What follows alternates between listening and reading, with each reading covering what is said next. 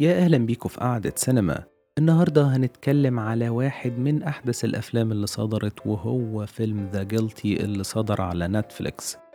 طبعا الحلقة هيكون فيها حرق زي المعتاد وده زي ما أنتوا عارفين مش review لأن أنا مش بتفرج على الأفلام وأقول شوفوها أو لأ. أنا مجرد الفيلم لفت نظري حابب أتناقش معاكم فيه. وفيلمنا من تأليف نيك بيزولاتو وإخراج أنطوان فوكوا المخرج اللي أخرج Training Day مع دينزل واشنطن واشتغل معاه في The Equalizer وطبعا فيلمنا بطولة جيك جيلنهال في أداء متفرد على الشاشة. تقريبا طول وقت الفيلم مع مشاركات صوتية لنجوم تانيين زي إيثان هوك وبول دانو وطبعا كان في ممثلين بيظهروا كل شوية في الكادر معاه بس كانت أدوار ثانوية جدا. بس كانت لطيفة بالمناسبة. وخلينا نقول حكاية فيلمنا الفيلم بيحكي عن جو الضابط اللي بيشتغل في قسم تلقي البلاغات كعقاب ليه على خطأ عمله في شغله. وفي ليلة صعبة غابات كاليفورنيا بتتحرق فيها وهو مطالب بحضور جلسة محاكمته تاني يوم بيتلقى مكالمة. دي مكالمة استغاثة من إيميلي اللي بتقول إنها مخطوفة ومهددة ومع محاولات جو لتهدئتها وحصوله على شوية معلومات من ال system قدامه ومكالمات بيعملها بيكتشف جو إن اللي خاطفها هو جوزها هنري صاحب السوابق الإجرامية وبيحاول جو يساعدها ويضغط على هنري إلا إن هو في الآخر بيكتشف إن هو في الموقع الغلط من القصة. ويمكن كواليس صناعة الفيلم ده لا تقل غرابة عن الفيلم نفسه لأن هو فيلم مختلف جدا. لأن أنطوان فوكوا كان مخالط حد قبل ما يصور الفيلم كان مخالط حد طبعا عنده كورونا يعني فقبل التصوير بيومين فكان لازم يدخل حجر صحي وكانوا متفقين على جدول محدد ومضغوط جدا لتصوير الفيلم لأن تم تصويره بالمناسبة في 11 يوم بس. فأنطوان فوكوا اضطر يخرجه من عربية فان مقفولة تحت ال location وبيتواصل مع فريق العمل كله عن طريق حاجات زي زوم.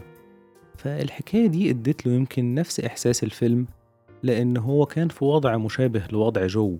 فأعتقد إن ده بشكل أو بآخر يعني ادى إضافة للفيلم أو زود إحساسه خلينا نكون دقيقين أكتر.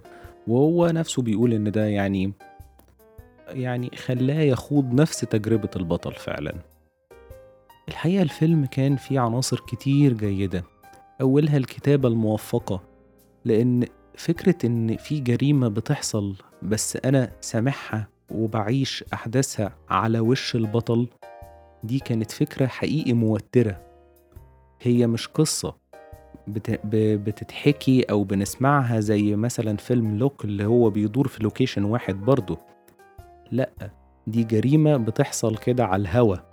المشاكل بتحصل live فده كان مزود ال suspense جدا وحقيقي بشكل شخصي حسيت بشد عصبي. وكان في عناصر مزودة الإحساس ده. أولها الموسيقى المميزة. ما أعتقدش إن حد هيخلص الفيلم ده ويفضل فاكر أي قطعة موسيقية منه. بس الحقيقة كانت فعالة جدا وبتزود التوتر. وزي ما قلت لكم الفيلم عبارة عن مكالمات. فمكالمات ممزوجة بالصوت ده فكان التوتر في حالة عالية جدا. وعلى الجانب الآخر كان التصوير بيلعب دور مميز جدا.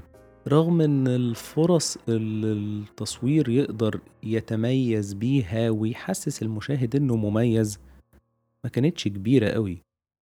هو بيقدر يوصل الحالة بس مش كتير هيقدروا يلاحظوا وده على فكرة نجاح للمصور أو مدير التصوير اللي شغال على حاجة زي كده.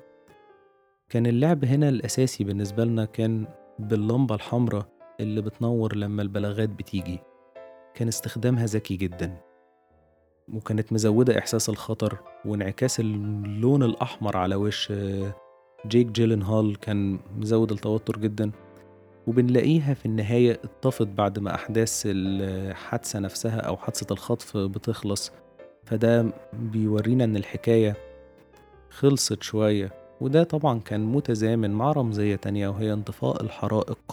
يعني أعتقد إنها ادتني إحساس إن المشكلة خلصت والحاجات اللي جوه شخصية بطلنا اللي هنتكلم عنها شوية كده بقت أهدى أو بقت بالنسبة له أوضح.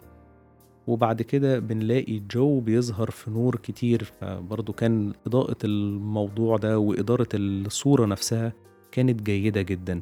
فدي كلها عناصر موفقة وطبعا أكيد المونتاج كان كويس جدا لأن الفيلم زي ما قلت لكم يعني 95% من الوقت جيلن هال على السوق على الشاشة لوحده. يعني كل الحاجات دي لازم تكون جيدة جدا. كتابة تصوير موسيقى مونتاج عشان المشاهد ما يقومش ويسيب الفيلم. ونيجي بقى لأهم نقطة في الفيلم وهي جيك جيلن هال الفيلم ده يعتبر اختبار كبير جدا ومش كل الممثلين بيقابلوه. يمكن أنا زي ما قلت إن هو فكرني بفيلم لوك اللي لعب بطولته توم هاردي. القصة مختلفة شوية بس الوضع اللي فيه البطل هنا وهنا. يعتبر واحد موجود في location واحد بيتكلم في التليفون طول الوقت وكل حاجة إحنا بنشوف انعكاسها على وشه. ده اختبار صعب جدا كمية مشاعر مختلطة.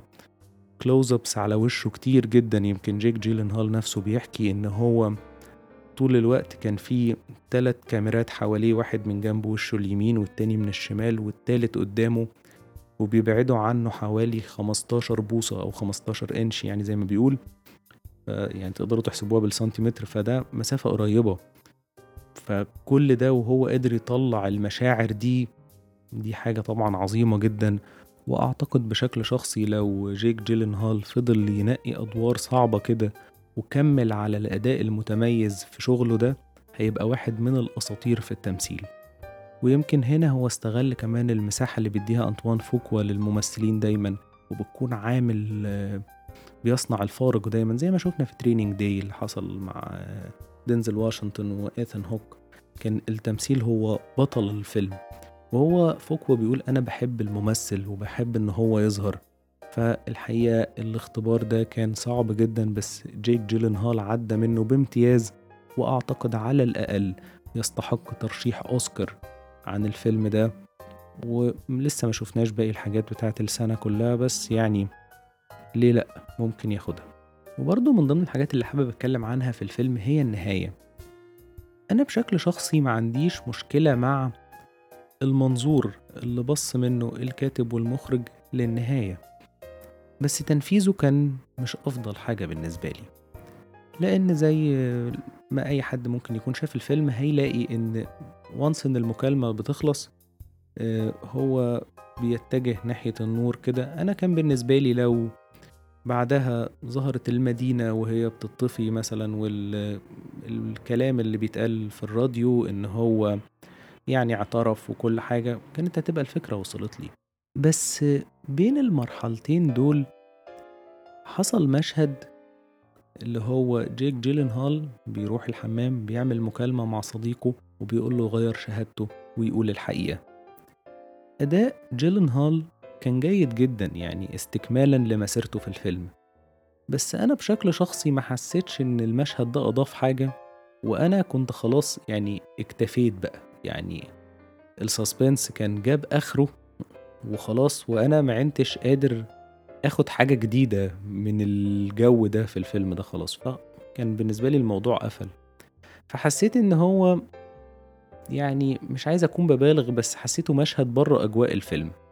آه هو عايز يوصل فكرة إن الإنسان يعترف بذنبه ويحصل تطهر وكل الكلام ده وفي جانب روحاني ظاهر من أول الفيلم وكل ده ما عنديش مشكلة معاه. بس توقيت المشهد ده كان بالنسبة لي يعني المشهد نفسه وجوده أساسا وتوقيته ما كانوش أكتر قرار موفق. وممكن طبعا ناس بتختلف معايا عشان الأداء العظيم لجيلن هال في الفيلم وفي المشهد ده كمان. بس أنا لما ببص على المشهد بشكل عام يعني كفكرة ما حبيتوش بس في النهاية أقدر أقول إن أنا حبيت الفكرة اللي بيطرحها الفيلم وهي التسرع في الحكم والغضب اللي ممكن يعمل الشخص وكانوا دايما مشكلة جو. وممكن نعتبرهم أساسا سبب قضيته والكارثة اللي هو فيها. وهنا كان ممكن القصة دي تتكرر تاني بس مع أميلي وهنا الفيلم بيطرح نتائج التسرع في الحكم والغضب وعدم التحكم فيه بس بشكل جيد جدا وبأسلوب وفكرة مختلفين. ولحد هنا خلص كلامي عن فيلم The Guilty يا رب تكون الحلقة عجبتكم. يا ريت اللي مش عامل subscribe يعمل عشان توصل لكم الحلقات باستمرار. ونتقابل الحلقة الجاية. مع السلامة.